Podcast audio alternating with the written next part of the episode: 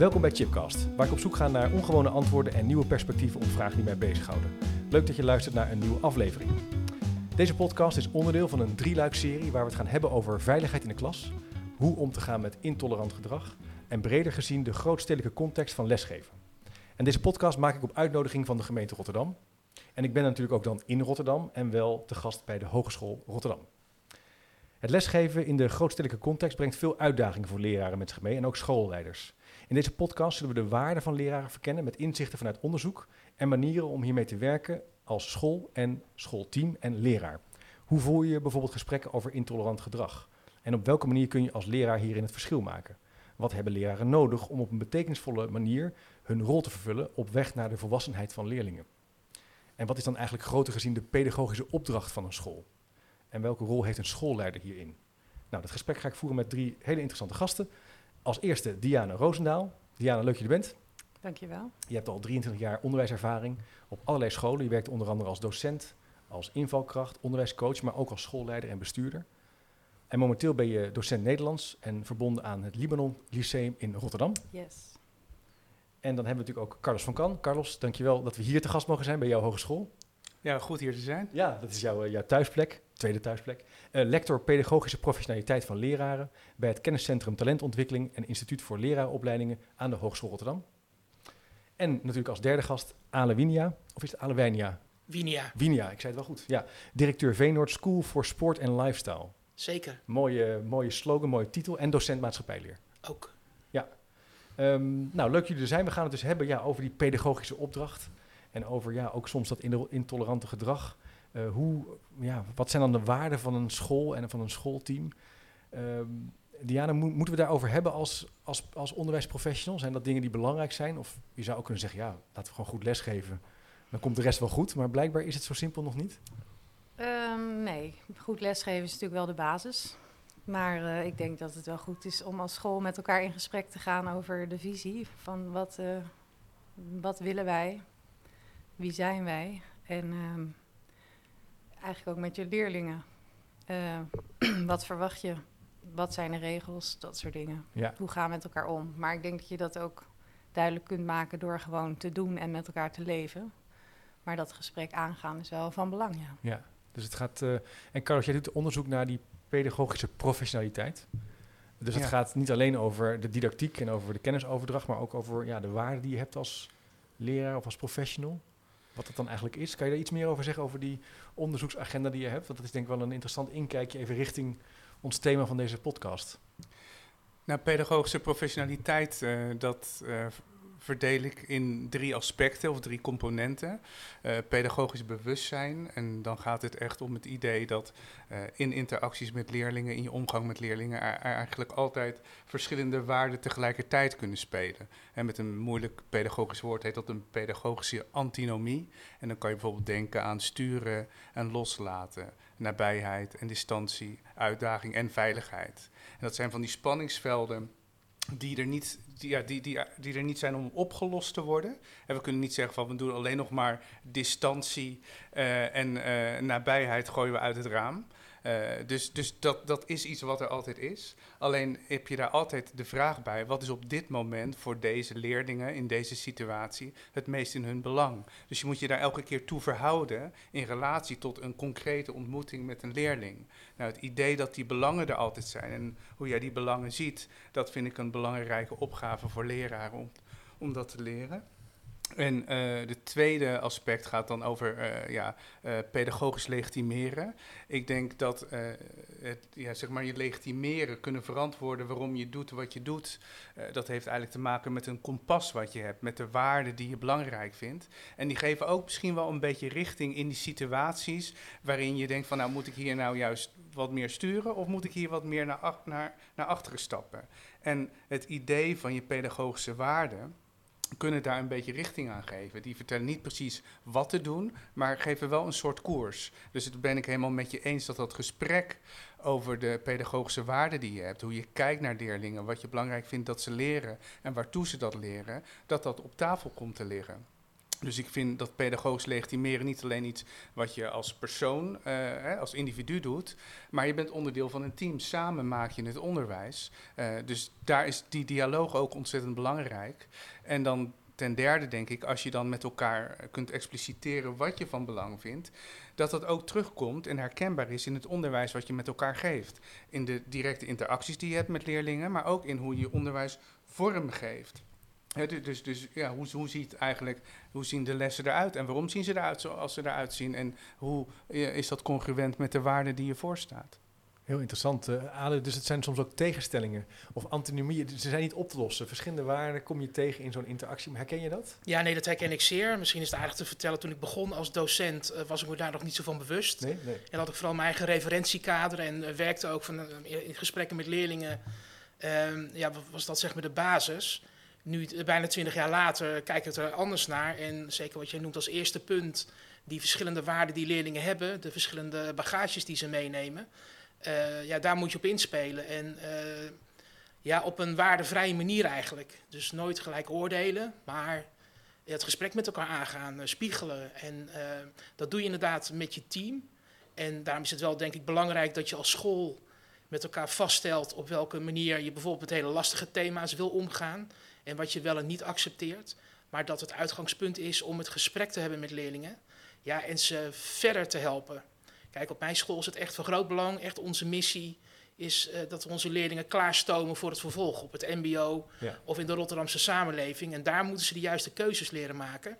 Dat betekent niet dat ik ze altijd hoef te vertellen wat ze moeten vinden, maar wel dat ze zich bewust zijn van verschillen.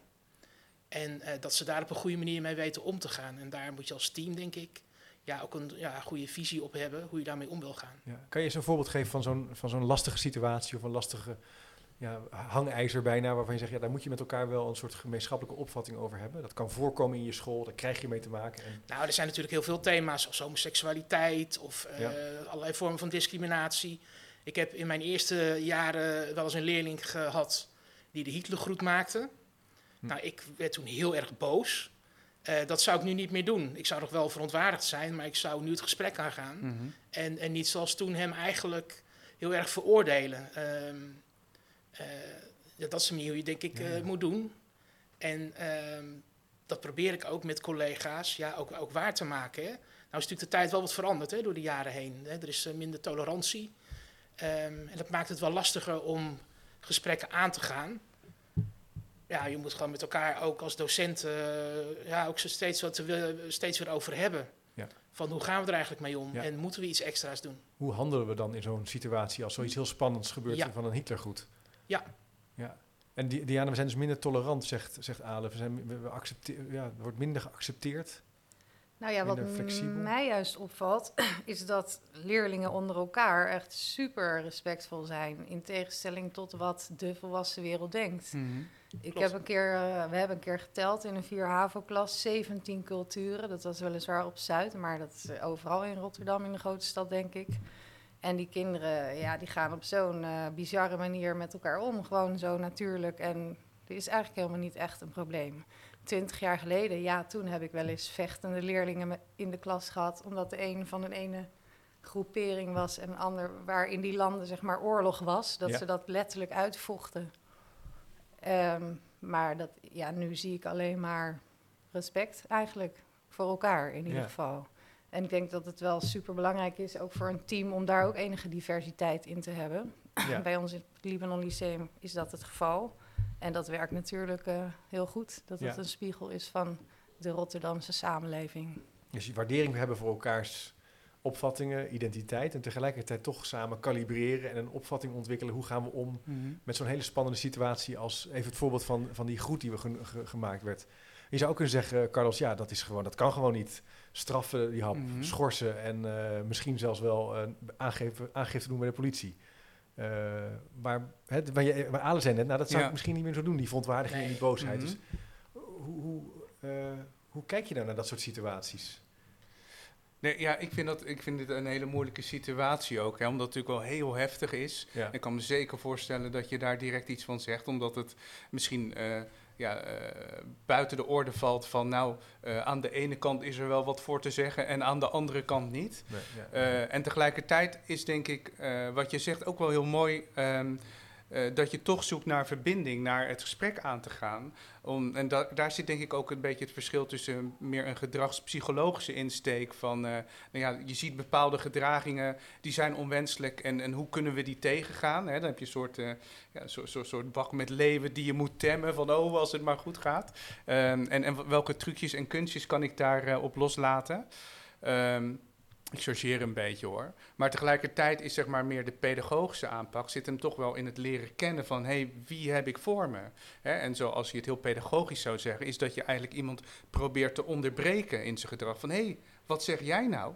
Hmm. Denk eens na wat je aan het doen bent. Ja. En dat is een hele andere manier. Dat dan probeer dus contact te maken. En maak je van die kinderen, in plaats van dat het daar ja, een soort eh, abstracte klas is of ehm, eh, anonieme individuen, worden het subjecten die aangesproken worden door iemand. En die daar ja, eh, iets op terug moeten zeggen. En misschien daar de woorden niet voor hebben. En misschien kun je iemand daarbij helpen.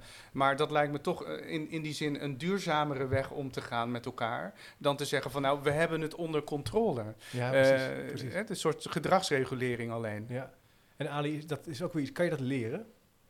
Nou, ik denk dat, eh, nou kijk, ehm, docenten, je moet, er wel, je moet feeling hebben voor het vak, eh, de klik met de leerling om een docent te zijn. En dan Ja. is er nog wel een verschil of je op een HAVO-VWO les geeft of op een eh, VMBO zoals bij mij. Eh, dat, ja, elke docent heeft zijn eigen, ja, hoe zeg je dat, klik met een bepaalde doelgroep, zeg maar. Ja. Ehm, ja, kijk, leren, die vibe moet je wel hebben, denk ik. Ik denk wel dat ervaring heel erg belangrijk is en dat je ook zeer geregeld met collega's eh, ja, deze onderwerpen met elkaar bespreekt eh, en dat je ook van elkaar leert. Ja. Kijk, als startend docent eh, zit je vol vuur. Dat had ik althans. Ehm, eh, eh, en ga je er helemaal vol in. Zo ging ik als docent maatschappijleer ging ik er echt in. Ehm, ja, nu denk je er wat meer over na en probeer je... Kijk, het doel Mhm. uiteindelijk is die leerlingen klaarstomen. Je hebt Ja. een bepaald doel om die leerlingen verder te brengen. Ehm, ja, dat doe je samen. En ervaring helpt daarbij. En ook ja, gewoon uitwisselen met elkaar. Uitwisselen met elkaar. Ja, Ja. Wat- Wat ik daar dan eh, interessant aan vind, is als je het daar dus met elkaar over hebt, over hoe je dat gesprek dan met elkaar kan Mhm. voeren. Eh, want ik merk eh, aan mezelf ook, hè, de- in mijn eigen ervaring, dat je heel snel geneigd bent om iemand dan gelijk te vertellen, als je met een probleem op tafel legt, oh, dat moet je zus of zo oplossen. Oh, dat doet hij bij mij ook, als je nou dat doet. Ehm, en dat is iets anders dan te zeggen van, wat willen wij eigenlijk met deze leerlingen bereiken? Wat zijn Mhm. we eigenlijk hier op school aan doen? Ja. En hoe geven we daar uiting aan in ons eh, onderwijs? En dan is het misschien een manier om bepaalde gedragsregels te hebben. Petje op, petje af, mobieltje aan, mobieltje uit. Maar ergens voel je ook dat dat niet de essentie is van het contact wat je wil hebben met de leerlingen. En bij ze te gaan staan, juist op hun weg naar eh, volwassenheid, op hun weg de maatschappij in, naar vervolgopleidingen. Ik denk trouwens dat het wel belangrijk is dat je als school eh, heel helder bent over hoe je met elkaar wil omgaan. Eh, bij mij op school noemen we dat gedragsverwachtingen. Mhm. En eh, dat heeft ook, gaat ook bijvoorbeeld over instructiegedrag. Als een docent uitleg geeft, hoe doen we dat met z'n allen? Ja. Nou, hier gaat het er meer om van hoe, hoe ga je respectvol met elkaar om. Ja. En daar zijn wij in die zin wel redelijk compromisloos op. Daar zijn we heel helder in. Dat leren we de leerling ook aan vanaf in klas 1. Ehm, en daar zijn we strikt op. Dat betekent niet dat als iemand een keer uit de bocht vliegt, dat je hem dan gelijk daarop Nee. kapittelt. Eh, Ja. Maar we hebben wel met elkaar afgesproken. ehm, heel fundamenteel. We hebben de rechtsstaat in Mhm. Nederland. Mhm. En dat, dat is voor mij als schoolleider ook wel een, een belangrijk basisbeginsel. Ja. Ja. Als het over Ja. hele ingewikkelde thema's gaat, Ja. zoals met die docent in Frankrijk. Ja. Eh, dit cursusjaar Ja. is bij ons echt over gesproken. Naar aanleiding van de cartoons. Ja. Eh, daar mogen leerlingen ook wat een en ander van vinden. Alleen eh, ja, voor ons is die, de, de wet uiteindelijk voor mij wel echt normerend, Mm. Ja. zeg maar. Ja. Ja. Dat is wel Maar, het maar wel ook als, als een uitingsvorm van waarden die daar aan ten grondslag zeker, liggen. zeker. En die, ja. daar moet je het dus ook over hebben met Ja. elkaar. En uiteindelijk, ja, eh, ja, hoop ik wel. En dat is natuurlijk ook, elke docent doet het ook op zijn eigen manier. Hè? Want docenten zijn ook, leerlingen zijn verschillend, maar docenten natuurlijk ook. En ik vind ook wel dat je docenten ook de ruimte moet geven om ook op een eigen manier, met, ook, eh, met hun eigen bagage of Ja. een eigen achtergrond, ja, eigen identiteit. eigen identiteit, om daar ook eh, ehm, ja, op, een, op een eigen manier met leerlingen over te spreken Ja. of dat eh, gesprek aan te Ja, gaan. ik, ik vind, Ja. sorry, ik, Dat ik- ook- dat ik, hier- ik ga hier altijd een beetje op aan op dit eh, onderwerp. Omdat ik daar ook die professionaliteit van de docent vind zitten. Dat daar dus nog wel ruimte is. En daar zit ook altijd een spanningsveld van als je dus eh, heel veel regels met elkaar maakt. Daar zit eigenlijk ook een soort deprofessionalisering van de docent in. Want je wordt dan eigenlijk uitvoerder van de regels of handhaver van de regels die je met elkaar hebt gemaakt. Een soort politieagent eh, die zeg maar dan in deze zin dan puur eh, functioneel eh, volgens die regels handelt. Terwijl je eigenlijk wil dat mensen vanuit de waarde die je voorstaat omgaan met de leerlingen. En natuurlijk zijn regels en afspraken die je maakt daarbij behulpzaam. Maar je wil ook dat als het een keer anders gaat, of dat de regels misschien net op een andere manier toegepast kunnen worden, dat iemand dan vanuit die waarde zijn eigen professionaliteit kan inzetten en zijn eigen inschattingsvermogen van hoe hiermee om te gaan met deze leerling in deze situatie. En Diana, kan daar dus, eh, kan het, is die ruimte er in een school om die, die individuele afweging te maken en tegelijkertijd gemeenschappelijk daar te kalibreren en op eenzelfde lijn te zitten? Ik denk het zeker wel, ja. Ja. Ik ehm, hou echt van mijn vak, maar ik zie mezelf vooral toch ook als eh, opvoeder. En ehm, dat is eigenlijk waarom ik ooit ook onderwijspedagogiek ben gaan studeren. Ik denk, ik kan wel leuk een taal aanleren, maar het gaat mij om hoe doe ik dat of hoe bereik ik die kinderen. Dat heb ik uiteindelijk niet in de opleiding geleerd, maar eh, in de praktijk. Maar ja, en ik denk dat het toch ook met je eigen levenshouding te maken heeft. Van mijn kernwaarde is gewoon behandel je een ander zoals je zelf Mhm. behandeld wil worden. En daarmee dek je eigenlijk alles af, denk ik, in hoe je als mensen met elkaar omgaat. Ja. En ja, eh, leerlingen gewoon als eh, ja, leerlingen serieus neemt. En, Ja. eh, Wat ik interessant vond wat Carlos net zei, dat je dat dus ook kan doen door te onderzoeken waarom iemand nou zo doet of denkt. Dat je als ware dat gedrag kan bespreekbaar kan maken en kan onderzoeken in plaats van dat je de norm erop kan leggen. En dat je daarmee ook iemand aan het denken zet. ja. In zekere zin, oh wacht even, ja, eh, weet ik eigenlijk niet waarom ik dat zeg. Ja, dat zeggen ze allemaal bij mij als we buiten spelen of zo, hè, ik noem maar wat. Dus je probeert dat denken eigenlijk te activeren. Ja. Ja. eh, en daar een soort gesprek eh, samen te bepalen, ja, is dat nou over een Ja. grens heen Ja. of niet over een Ja, grens want daar ben ik wel benieuwd naar bij, bij jou dat je zegt, eh, ik eh, eh, voel me vooral ook opvoeder eh, eh, en ehm, hoe zich dat verhoudt eh, tot, tot, of hoe je dat ziet in jouw, jouw docentschap. Want waar gaat dat opvoeden voor jou dan bijvoorbeeld over? Wat zijn dan thema's die je dan van belang vindt? Eh, nou ja, bijvoorbeeld het taalgebruik van leerlingen Mhm. vind ik belangrijk. Dus letterlijk wat ik net hoorde Ja. zeggen, wat zeg jij nou? Dat Ja. zeg ik wel eens in mijn les. Wat zeg jij nou? Ja. Oh, nou, eh, dat zeg ik altijd. Nou, weet je, wel, weet je wat dat met mij doet of wat Mhm. dat betekent? Nou ja, d- gewoon hoe je met elkaar omgaat, maar ook met de ruimte, weet je. Bij mij, eh, ik vind het heel normaal als leerlingen een stoel aanschuiven. Maar als ik af en toe mijn lokaal terugvind, eh als er iemand anders in heeft gezeten, kan het wel eens chaos Ja. zijn. Maar ja, ik eh, zeg, hé, hey, ik wijs alleen maar. En ze snappen het. Oh ja, hier Ja. moet ik mijn stoel Mhm. aanschuiven. Hier. maar als je dan in een onwillekeurige lerarenkamer kijkt, dat weet ik nog als schoolleider. Er zijn ook schoolleiders die elke pauze de stoelen van de leraren staan aanschuiven. Dat vind Ja. ik dus echt te ver gaan. maar, Doe ik niet, hoor. Ik, ja, als jij opvoeder bent, dan moet je Ja. dat natuurlijk in je eigen Ja. gedrag ook laten zien. Mijn leerlingen weten als ze een boek Ja. van mij lenen, en dat mag natuurlijk Mhm. altijd, dat ik daar wel waarde aan hecht. In ieder geval dat een boek iets belangrijks is en dat ze dat ook weer netjes terug moeten geven. eh, dat soort dingen. Ja. Om maar een voorbeeldje te Ja. noemen. Ja. Trouwens, een goede tip voor leraren. Weet je wat werkt? Heel veel lezen. Dan kun je namelijk inleven in al die mensen Mhm. die je niet kent. Hè? Ja. Eh, Nou ja. Dat, dat is een mooi. eh, ja, dit- daar was laatst. eh, Wie had er nou? eh, oh, ja, Adriaan van Dis zei dat bij Ja. Buitenhof, geloof ik ook eh, zo mooi. Eh, maar maar da- daar, daar zit natuurlijk ook een deel van de opvoeding in als, als school en, en als leraren. Dat je, je bent eigenlijk een, een cultuurdrager. Hè, en dan in het bijzonder van het vak wat je geeft. En daar wil je leerlingen eigenlijk ook in, ja, in initiëren, in inleiden.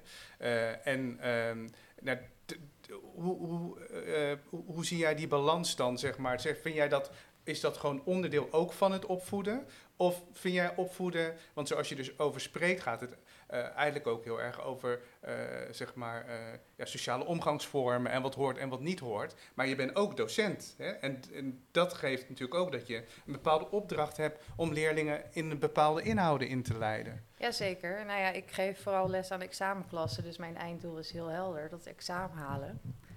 En ja, maar dat kan natuurlijk op verschillende manieren. Ja. En ik probeer er altijd, hoe, eh, waar ik ook werk, iets opvoedkundigs in te stoppen. Ja.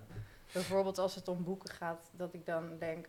Jij kan dit boek wel gebruiken, eh, want het is echt eh, Ja, iets precies. wat jij Ja, kijk, nog niet kent. Of juist heel veel herkenning van... Joh, je bent niet de enige op de wereld waar ze kracht uit kunnen halen. Dat soort eh, dingen.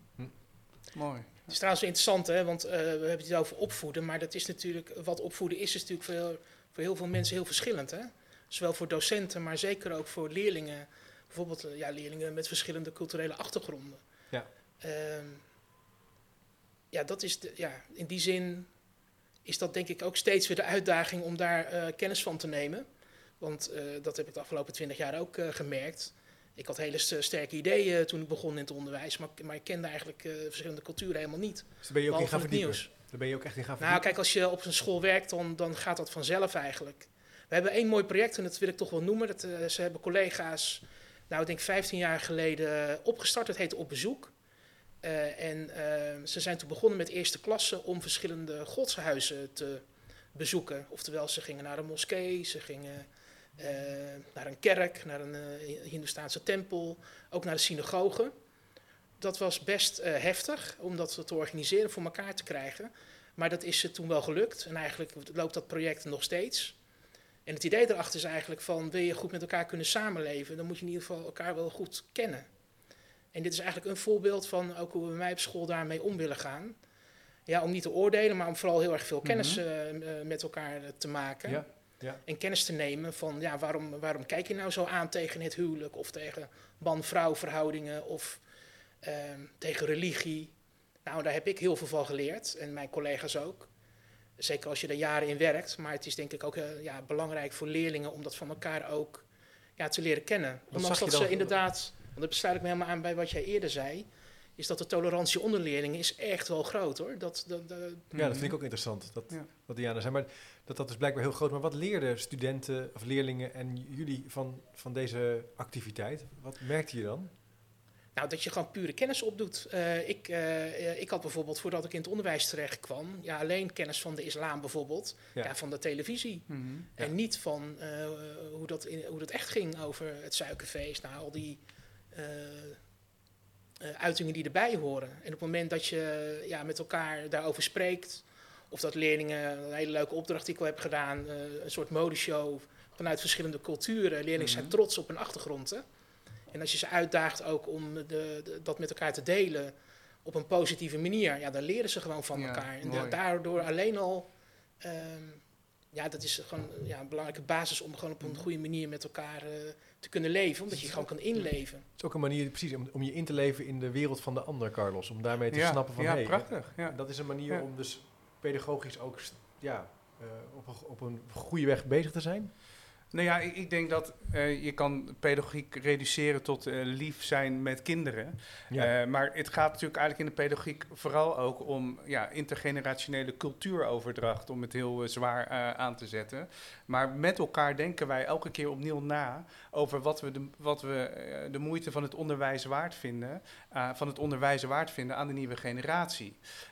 Nou, dus er ligt eigenlijk altijd in, in een schoolsituatie ligt er ook een inhoud op tafel. En dat kan je vak zijn, hè, de wereld van de muziek, de wereld van de economie, maar ook de wereld van het werkzame leven of, of, of een religieuze wereld. En op het moment dat je kinderen eh, uitnodigt om eh, uit hun eigen wereld te treden en een andere wereld ook te zien, nou dan, hè, zoals jij dat beschrijft, dan is dat natuurlijk een enorm verrijkende ervaring. Maar vooral ook iets waar je volgens mij wat van leert, doordat een leraar je daarover ook iets vraagt van, en hoe is dat hetzelfde of anders dan bij jou thuis? Ja. Of hoe jij dat beleeft en eh, waar komt het overeen? Ehm, en eh, door, door eigenlijk, hè, te- je kan noemen, je te verhouden daartoe. Dus het is niet alleen maar kennis overdragen van, nou, eh, zo zit het in die cultuur en zo zit het in die andere cultuur. Nee, de kracht zit hem volgens mij in, in die echte vragen die je daar dan over stelt aan leerlingen. En dat daar iets gaat leven. Ja. En dat iemand misschien ook in positie wordt gebracht om de eigen thuiscultuur niet te zien als iets van wat hem per definitie achtergesteld maakt, maar als iets waar ook een kracht in zit en wat je kunt laten zien en waar je trots op bent. Interessant. Een ander thema, eh, Carlos. Eh, ja, ik, ik ken jouw werk al wat langere tijd. Ik meen dat ik tien jaar geleden al een keer jou wat hoorde vertellen over bumpy moments. Ja. eh, zoals ik het zelf dan omschrijf, momenten dat het dus niet zo lekker gaat. Dat je Mhm. denkt van, hé, hey, dat had anders gekund. Ja. Of dat had ik misschien een ander Ja. effect gesorteerd willen zien. Ja. Kan je, kijk jij nog steeds op die manier naar, ehm, naar dit soort thema's? Kan je leren van bumpy moments, pedagogisch gezien of didactisch gezien of als, als team? Nee, ja, ja nou, bumpy moments. eh, ik zou het zelf net iets anders Ja, eh, nee, ga, doe maar, doe maar. Ja, ja. Eh, als zeg maar een situatie waarin je vindt dat je legitiem hebt gehandeld en waar je achteraf ook een legitiem handelingsalternatief ziet. Dus het gaat veel meer om mini-dilemma's eerder dan om goed-fout situaties. En ik denk dat dat heel kenmerkend is voor je professie als docent, dat je heel vaak met situaties zit die niet per se fout gaan. En dat je zegt, oh, er is, er is gewoon een, een goed eh, eh, er is het goede alternatief. Nee, het gaat veel meer om die leerling. ehm, die eh, heel, zich heel goed heeft voorbereid voor een presentatie, maar doodzenuwachtig in die klas zit. en iedereen is al geweest en ja, je denkt, ja, moet ik hem nou voor de klas gaan zetten? Of zal ik vragen of hij op zijn plek eh, de presentatie gaat geven? Daar kan niemand zomaar van zeggen, ja, dit is goed en dat is slecht. Dat hangt er helemaal van af. En ik vind eh, die bumpy moments, dus het eh, spreken in termen van die legitieme handelingsalternatieven, prettig.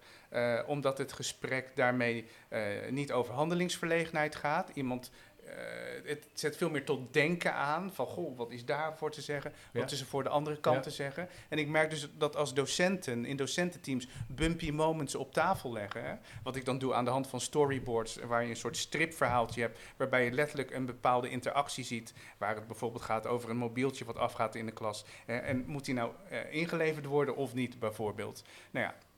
Ehm, dat is een vrij eh, organisatorische keuze. Maar wat je probeert te doen in zo'n gesprek is dan te vragen: hoe zie jij hier het belang van de leerlingen? En waarom zie jij dat belang zo? Dus door op zich een organisatorisch moment of een didactisch moment beter pakken als aanleiding. eh, want die bumpy moments, die gebeuren, daar gebeuren er honderden van in een, in een lesuur. Ja. Maar door daar de vraag aan te verbinden op welke wijze je daar het belang van de leerling ziet en waarom je dat zo ziet, dan maak je het pedagogisch. Dus het is heel gekunsteld op een bepaalde manier.